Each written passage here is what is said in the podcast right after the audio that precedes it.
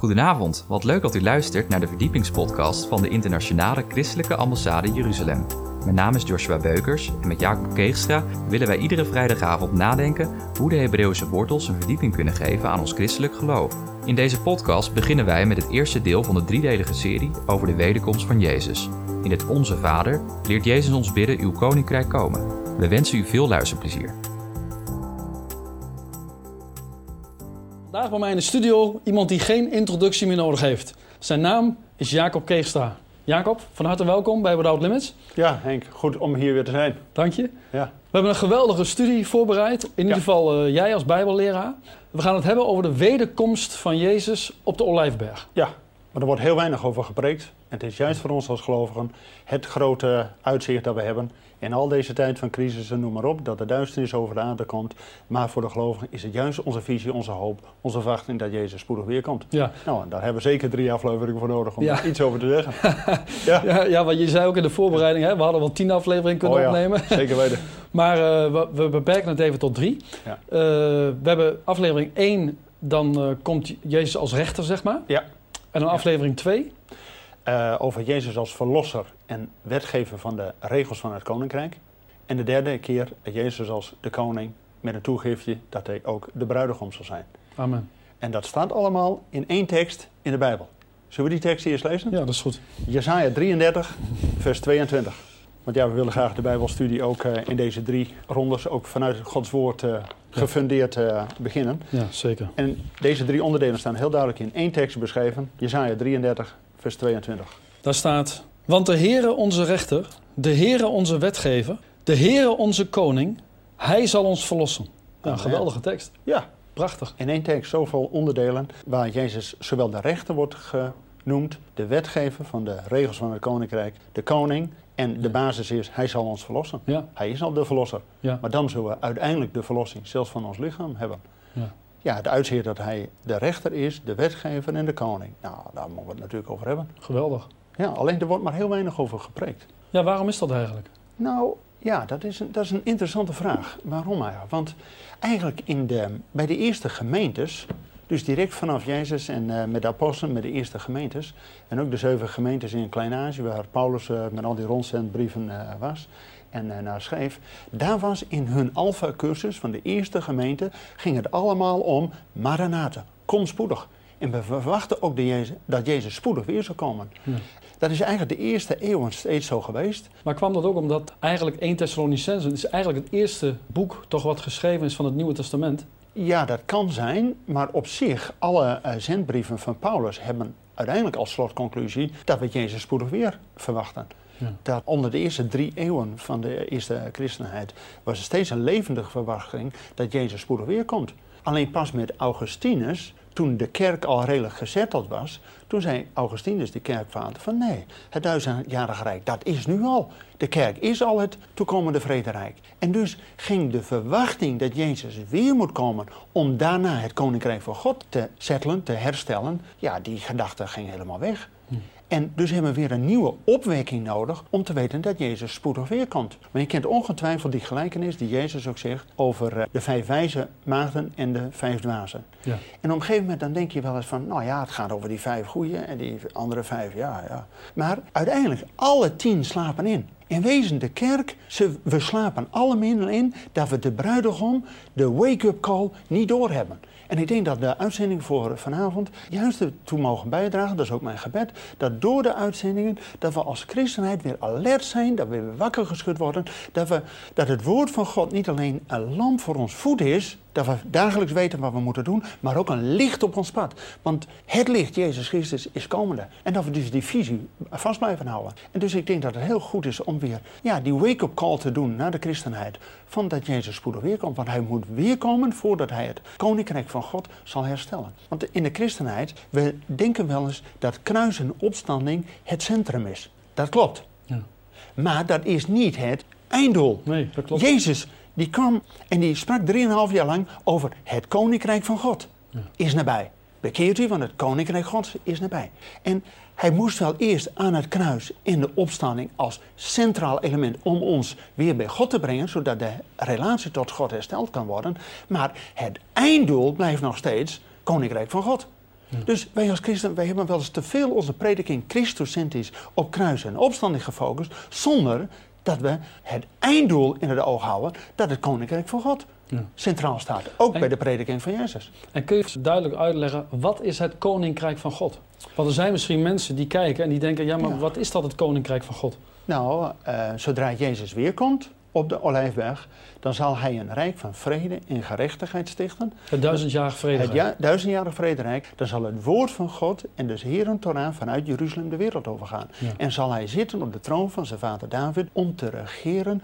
En wij als gelovigen mogen met hem regeren. Dus het koninkrijk van God is waar Jezus ons al 2000 jaar lang naar laat bidden in het, het Onze Vader. Uw koninkrijk Komen. komen. Ja. Als het met Jezus al gekomen was, hadden wij nooit 2000 jaar lang hoeven bidden over uw koninkrijk komen. Uw wil worden gedaan. Zoals in de hemel, want daar wordt de wil van God al gedaan, maar dat het ook op aarde gaat Ja. plaatsvinden. Ja. Dus Jezus moet eerst naar de aarde komen om te herstellen, te verlossen, ons de leefregels van het koninkrijk te geven en als koning te gaan zitten op de troon van zijn vader David. En dan zullen we het koninkrijk van God van vrede en gerechtigheid en heelheid van de schepping volledig hier duizend jaar hebben. Nou, dat is toch de visie die wij als christen hebben, dat we door alle toestanden heen die hoop blijven vasthouden. Ja. Maar 1 Petrus 1 zegt ook dat we de hoop vasthouden op de verschijning en openbaarwording van Jezus Christus. Nou, dan denk ik van, daar moeten we daar nodig over hebben. Alleen in de kerk en bij de christenheid is dat gewoon wat weggecijpeld. Men is het meer in het hier en nu ons aan het settelen. Ja, en soms heeft God ook weer een crisis nodig om ons weer wakker te schudden. Dat we niet op ons geld of op onze huizen of op eh, aandelen of op weet ik wat ons fundament moeten hebben, maar op de komst van Jezus Christus. Nou, en daar zijn een aantal onderdelen in, waar we uit deze tekst uit Jezaja 33 heel duidelijk uh, lezen hebben, dat Jezus als eerste komt om recht te spreken. Ja, want dat, dat zou mijn volgende vraag zijn, hè? Wat, wat hij dan komt doen. Dat om recht te spreken. Ja, maar dat is eigenlijk helemaal geen populaire boodschap. Want kijk, als wij naar een restaurant gaan, dan worden we helemaal in de watten gelegd. Hè? Eerst een aperitiefje, een hors d'oeuvre en dan de maaltijd. Het liefst nog een toetje en blijf vooral nog even zitten voor een kopje koffie. En, Maar we hebben allemaal door hoe we ook geweldig in de watten worden gelegd. Geweldig, drie gangen menu, sommigen vier gangen menu, weet ik het.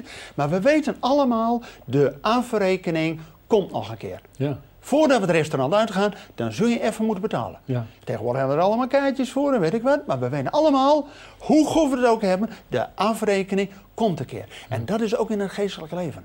Want zelfs in de openbaring staat dat de zielen van hen die om, door het geloof en de omwegen van het, ge- omwille van het geloof onthoofd waren.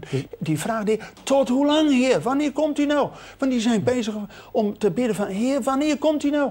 Om recht te spreken. Want op deze aarde is er zoveel onrecht dat er velen die hebben het veel beter dan ze eigen zouden moeten hebben. En de geloven worden wel eens de, de handel dwars gezeten. Dus hier op deze aarde is er veel onrecht. Dus Jezus komt vooral om recht en gerechtigheid te herstellen. En als we lezen dat bij de eerste komst van Jezus, dat hij kwam als profeet.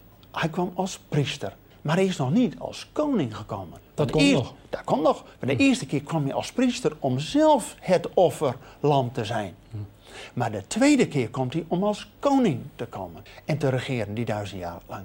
Alleen daarvoor wordt er dus eerst recht en gerechtigheid in het koninkrijk van God hersteld door Jezus. En dat is nou typisch een boodschap die we helemaal niet zo eh, eh, plezierig vinden. Want we hebben het zo goed. Ook als christenen, hè, we hebben het allemaal geweldig. Ene nog beter dan de ander. En er is niks mis mee. Maar we moeten niet leven van hier en nu. We hebben het en het koninkrijk van God is al hier. We hebben Jezus niet meer nodig. Nee, want Jezus zegt zelf, ik kom spoedig. Laatste slotwoord van de Bijbel is, Maranatha, ik kom spoedig. Dus Jezus komt om vrede, om een rijk van re- vrede en gerechtigheid te herstellen. Maar dat betekent ook, ja, Ja, sorry dat ik even in de reden val, maar je ziet ook dat er bepaalde bewegingen zijn hè, die Ja. ook steeds maar weer eh, zeggen van ja, we gaan het koninkrijk van God op aarde nu eh, vestigen. Maar hoe kun je een koninkrijk vestigen zonder koning? Ja, ja, je mag wel het koninkrijk voorbereiden. Ja. En juist vanuit ons hart moeten we eraan werken dat het, de, de weg gepleit wordt dat Jezus spoedig kan weerkomen. Ja. Maar wij kunnen pas vrede en gerechtigheid krijgen wanneer de koning van Shalom Ja. hier is. Inderdaad. Maar dat betekent dat hij natuurlijk ook opruiming houdt. Dat hij eerst recht gaat spreken. Daarom komt hij als rechter. En het gekke is dat, want tegenwoordig is het ook zo populair om zeg maar vriendschapsevangelisatie te hebben. Hè? Van, nou, maar dat kom ik in de Bijbel niet tegen. Als Paulus naar Europa gaat en naar de eerste preek op de Areopagus, in het bolwerk van de Griekse cultuur, daarop, eh, daar in Athene, dan heeft hij het over, God heeft iemand aangewezen om de wereld te oordelen. En hij heeft het bewijs geleverd door hem uit de dood op te wekken. Zodoende is Jezus gerechtigd om als rechter op te treden. Alleen ja, leven uit de dood, daar konden ze niks mee. Dus ach, het zal wel. Maar Paulus heeft dus duidelijk geen vriendschapsevangelisatie. Hij geeft een duidelijke boodschap. God heeft een dag bepaald waarop hij de, eer, de wereld zal oordelen, zal beoordelen. Een radicale boodschap. Radicale boodschap. En ook Petrus, als hij naar Cornelius, de eerste Romeinse hoofdman die tot geloof komt. Nou, Paulus, uh, sorry, Petrus had helemaal geen vriendschappelijke boodschap. Hij zegt heel duidelijk, God gaat deze wereld oordelen. Dus kom tot berouw, inzicht en laat u afhasten van al die onreinheid. Zodat je dus gereinigd en gerechtvaardigd wordt door de geloof. En de rechter van gerechtigheid ook recht in de ogen kan kijken. Vandaar dat Jezus als rechter ook niet als oordeelfiguur voor ons komt. Want het oordeel zijn wij voorbij omdat we door het geloof niet onder dat oordeel vallen, maar in de gerechtigheid mogen delen. Alleen de, de wereld ligt nog in het oordeel. Daarom is er in de wereld ook geen hoop.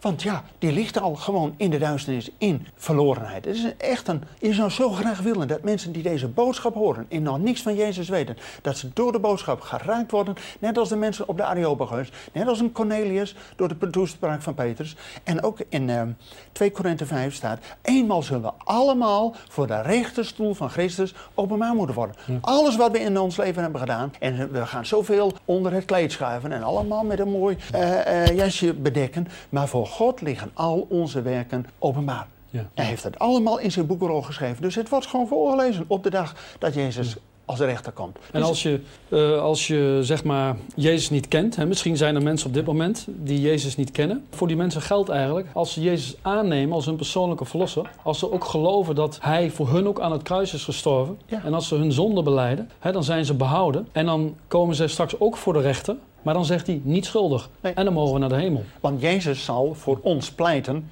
bij de Vader dat God ons via Jezus aanziet. Ja. Nou, dan bedekt dus altijd het bloed van Jezus al onze zonden. Nou, Ja.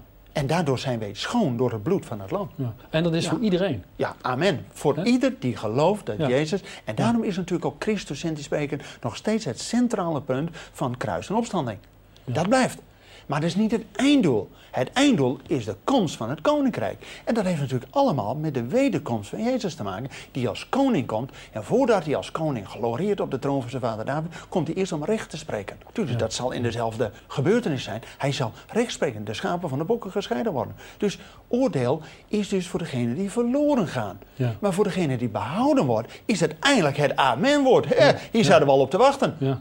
Ja, dat bedoel, want wij mogen met hem regeren. Ja. Maar dan moet hij eerst het oordeel uitspreken van, goed gedaan. Gij goede en betrouwbare knecht. Ja. Over weinig zijt gij getrouw geweest, over veel zal ik u stellen. Ga in tot het feest van de Heer. Dus ja, we moeten uiteindelijk over het feest van de, het, de bruiloft van het lam hebben. De maaltijd des Heren, op de berg des Heren. Maar dat gaan we in de derde aflevering Ja, dat komt allemaal. maar ja, natuurlijk. Deze ronde, dat, over het oordeel, daar wordt niet veel over ge- gesproken. Ja. Maar tegenwoordig, ja, als je daarover spreekt. Nee, broeder, je moet het niet zo moeilijk maken. En je moet mensen geen angst aanspreken. Ja, want dat is het, hè, dat mensen daar vaak angst voor hebben. Weet je dat de allergrootste opwekkingspredikers uit de 18e en 19e eeuw, gebroeders Wesley en ehm, eh, Jonathan Edward, die hadden een methode. Die spraken eerst heel duidelijk over de tien geboden. Gij zult niet doodslaan, gij zult niet echt breken, gij zult niet stelen. Nou, als je die allemaal verteld hebt, dan heb je iedereen wel een keer geraakt. Hè? Ja. Want ze hebben allemaal wel eens iets gedaan. Ik bedoel, wij in Kluis. En een week later kwamen ze om te spreken over de genade door het bloed van het lam. Dus ze hadden een methode Ja. om eerst door het oordeel duidelijk te maken dat we onszelf niet kunnen verlossen als een baron van Münchhausen onszelf uit het moeras te- halen. Nee, we hebben die verlosser van de andere kant, van Gods kant nodig. Die ons verlost om ons op de grond, om, ja, op de rots, Jezus Christus, te zeggen. Ja, eh, gewoon geweldig. Alleen betekent dat toch de eerste ronde, waar we het in deze serie hebben, Jezus komt eerst om recht te spreken. Daarom wordt hij ook de richter, de rechter. Ja. Al in de Bijbel, voordat koning David koning wordt, had je eerst de richters. die kwam ook om recht te spreken. En ook Mozes, die kwam om recht te spreken. Want anders doet iedereen maar wat goed is in zijn eigen ogen. Maar God heeft zijn geboden gegeven, zijn leefregels voor de koning. Waarom? Om te weten wat goed is en wat kwaad. Ja. Alleen tegenwoordig wil men dat kwaad niet meer horen. Van, ah nee, dat is minder goed. Ze willen alles bedekken onder de liefde en onder de genade. Ja, ja, maar Jezus kwam niet met een liefdevolle boodschap, maar hij kwam met een radicale boodschap. Die uiteindelijk liefdevol is, maar wel van waarheid. Ja. Als we alles bedekken onder de liefde, dan wordt er geen gerechtigheid en geen waarheid gedaan. Als Jezus komt, wordt eerst alles openbaar, wordt alles in het licht gesteld.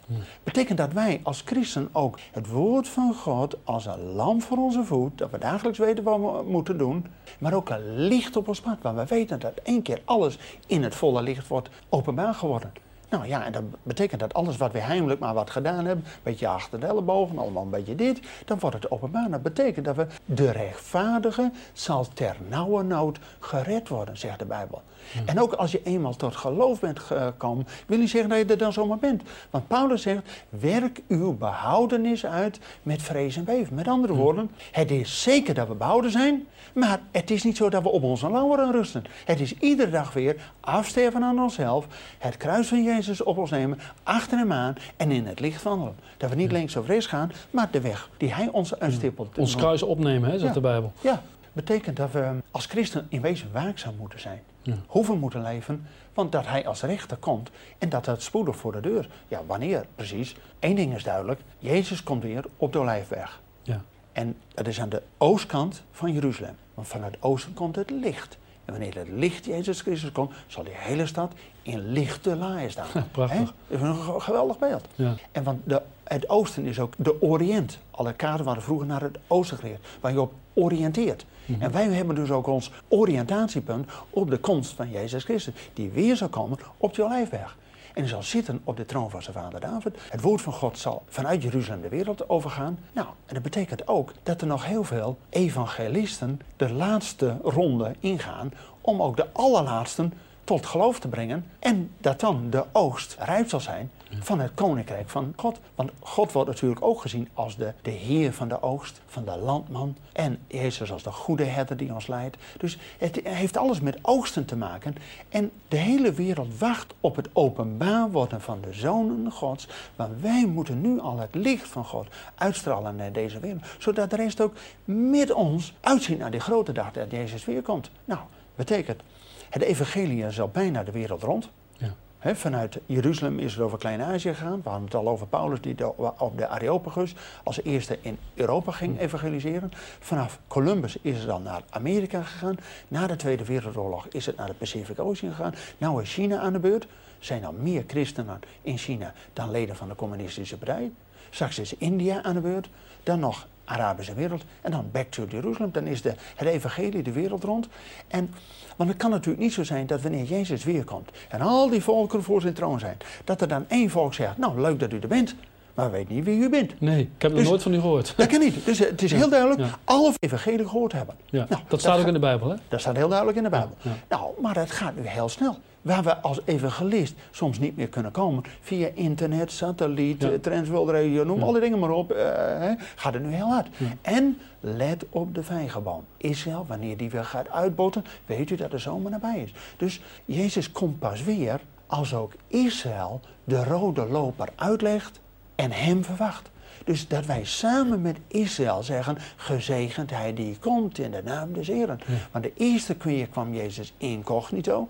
Velen van zijn broeders hebben hem niet herkend en erkend. Maar de tweede keer komt hij, als hij welkom wordt geheten, door zijn eigen broeders. Dus wij bidden ook dat niet de rest van de wereld tot geloof komt, maar dat ook zijn eigen volk tot geloof komt. Dat we samen met Israël uitzien naar de grote dag dat Jezus weer komt. En dat heeft alles te maken dat ook wij samen met Israël zeggen, gezegend hij die komt in de naam des Heer. Dus hij komt duidelijk op de Olijfberg en hij komt als rechter. Hij komt als wetgever, maar we krijgen de regels van het koninkrijk. Allemaal dat we de tien woorden die eerst op de twee stenen tafelen waren. de tien geboden bedoel je? Ja, ja, in ons hart zijn. Dat we elkaar niet meer hoeven te leren van ken de Heer, maar we kennen de Heer allen in ons hart. En die komt als koning. En we mogen met hem regeren. Oh, dat is een geweldig feest. Wat betekent dat nog steeds de eerste ronde deze aflevering het een serieus woord is dat Jezus eerst komt om recht te spreken. Hij komt als rechter. Dus om te oordelen. Want als Jezus de eerste preek in Nazareth heeft. En dan haalt hij Jezaja 61 aan. De geest des Heeren is op mij. Om ademen naar het evangelie. Uh, blinden ziende. Kreupelen uh, genezen. En om uit te roepen het wel aangename jaar des Heeren. Dat is het jubeljaar. Oh, geweldig, jubeljaar. Alleen dan stopt Jezus. Want de eerste keer dat ik kwam, was dat de boodschap. Om een jubeljaar van vrijspraak en van vrijlating, al die mensen in de gevangenis, om vrijlating te hebben. Dus we weer een herstelde relatie met God hebben. Maar de tekst aan Jezaja gaat verder. En om uit te roepen een dag der wraken Gods. Maar heeft Jezus de eerste keer niet gelezen. Waarom niet? Omdat de eerste keer dat kwam zijn roeping was om aan het evangelie te brengen. Een jubeljaar uit te roepen. Maar hij komt de tweede keer om die rest van die profetie uit Jezaja 61 volledig werkelijkheid te worden. Dus hij komt om uit te roepen een dag van het oordeel van God. Met andere woorden, wij als christen, we moeten gereed zijn dat we niet onder dat oordeel vallen, maar door het geloof vrijgesproken zijn. Ja. Nou, amen. En onze roeping is eigenlijk hè, dat wij andere mensen vertellen van Jezus zodat ze ook gewaarschuwd worden voor het oordeel wat gaat komen. zodat zij niet onder dat oordeel komen. En, uh... Paulus zegt zelfs, ik zou wel wensen van Christus verbannen te zijn. Meer, dat is wat. Dus je eigen fundament laat je los omwille enige van mijn broeders tot geloof te zien komen. Nou, als die vurige liefde die van Paulus naar zijn geloofsgenoten uit Israël is, als die ook voor ons naar de wereld is, nou, dan is deze uitzending al geslaagd. Ja. En dat we dat mogen doorgeven. En dat het hart ons brandend is. Dat wij ook weten van ja, anders ga je verloren.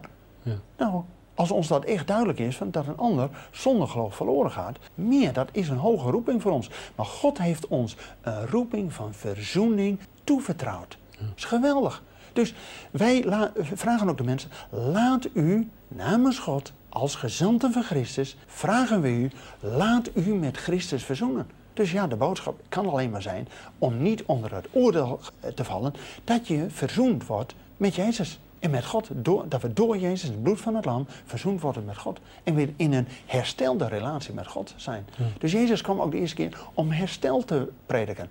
Maar dat was niet het einddoel. Het einddoel is dat we met hem gaan regeren op de troon en dan ook over alles wat er in de wereld is, dat we als rechtvaardigen mogen regeren. Maar dat betekent dat wij nu ook al door het geloof gerechtvaardigd zijn. Want door het geloof zijn we kinderen van Abraham. Abraham was door het geloof een rechtvaardige. Dus wij zijn ook door het geloof kinderen van Abraham. Dat we als rechtvaardige mensen leven. En dat we dus ook daden van gerechtigheid doen. Dus Jezus vraagt ons niks anders om liefde te hebben, trouw te zijn en rechtvaardig te wandelen. En in Micha, een van de slothoofdstukken van het Oude Testament, staat niets anders te doen dan recht te doen en ootmoedig te wandelen met ons Heer. Dus wij zijn al een getuige van Jezus dat we geen hocus doen, niet al te grote dingen doen, ootmoedig te wandelen met Hem en gewoon getrouw zijn en rechtvaardig te wandelen. we moeten eigenlijk een voorbeeld christen zijn. Ja. Mensen moeten door ons heen Jezus kunnen zien en dat wij hem lief hebben. Kijk, want in de wereld is geen hoop. Nu door al die crisissen, economische, maar ook door aardbeving. En we zullen straks nog veel meer crisissen krijgen. Want vlak voor, voor die eindtijd zal het nog steeds meer roebelie in de wereld worden. Daarom moeten we ons fundament ook niet op onze zekerheden in nou, ons huis, onze bankrekening, onze aandelen en weet ik wat hebben. God wil ons daarvan los hebben dat we ons fundament in het geloof hebben. Want het geloof is de zekerheid van dingen die we hopen en een bewijs van de dingen die we nog niet zien. Maar door geloof weten we het zeker. Is een zekerheid. dus dat is ons fundament. Maar dat betekent dat we dus als rechtvaardigen het licht in deze wereld van gerechtigheid mogen ontsteken. In deze wereld waar zoveel onrecht is. Dat we wel rechtvaardig wandelen. Dus ook de mensen recht doen. En het licht van Gods geest laten schijnen. Nou, dat betekent dat nog meer mensen aangehaakt worden. Want hoe kwamen mensen tot geloven in de eerste gemeente? Ziet hoe lief zij elkander hebben. Maar als wij in de gemeente elkaar uh, maar een beetje met een elleboog hebben eh, rollen, ja, ik bedoel, dan hebben wij niet de eenheid, stralen we niks uit. En dan denkt de buiten, nou, bij de christenen is het ook niet. Dus wij moeten door die onderlinge samenkomsten een voorbeeld zijn van die vrede en gerechtigheid, die natuurlijk helemaal zal komen wanneer Jezus weer komt. Maar als we in de gemeente als een broedplaats van het koninkrijk dat al laten uitstralen, nou, dan is iedere samenkomst al gezegend. Ja. Amen. Amen. Amen. Volgende week. Ja. Dan gaan we het hebben over Jezus als verlosser. Ja, en hij komt natuurlijk ergens ons van verlossen, maar hij komt ook ons ergens toe verlossen. Ja. We hebben ook een nieuwe roeping die we dan krijgen. En dat heeft alles te maken dat hij komt als wetgever, als onderrichter. Want wetgeving, Torah, betekent de leefregels van een koninkrijk. Dat we natuurlijk de geboden van Jezus doen. En die zijn niet zwaar, want het heeft alles te maken met hebt elkander lief en heb God lief boven alles. Ja. Dat zijn de centrale boodschappen. Maar daarin is natuurlijk ook vrede en gerechtigheid een onderdeel. Want als je wel lief hebt, maar je doet de waarheid niet, dan zijn we nog geen kinderen van God. Het heeft alles met elkaar te maken. Daar gaan we volgende keer over hebben. Nou, ik ben nu al bemoedigd. Amen. Geweldig. Jacob, hartelijk dank voor deze aflevering. Ik denk inderdaad, hè, nu ik dat ook allemaal gehoord heb, dat het heel belangrijk is om dit onderwijs tot je te nemen. Hè, zodat je je goed beseft van wat ons te wachten staat. Hè, zodat we andere mensen kunnen waarschuwen. En ja, dat, we, dat we van Jezus getuigen. Hè, zodat ze ook Hem kunnen leren kennen. En hem ook, hem ook kunnen aannemen als hun persoonlijke verlosser. Waardoor de mensen ook behouden kunnen zijn. Want ja, het blijft natuurlijk een keuze. Een eigen keuze. Een vrije wil. Een keuze uit vrije wil. Of je behouden bent of niet. Hè. Die, die, die, die redding is daar. Jezus is voor iedereen aan het kruis gestorven. Amen. Maar ja, helaas neemt niet iedereen die redding aan. Maar het is voor iedereen. Amen. Amen. Bedankt voor het luisteren naar deze verdiepingspodcast van de ICEJ. Waardeert u onze podcast? Steun ons dan met een donatie, abonneer u of deel deze podcast met uw vrienden of familie. Ga naar www.icej.nl. Volgende week gaan wij verder met het tweede deel van de wederkomst van Jezus. Hartelijk dank voor het luisteren en tot volgende week.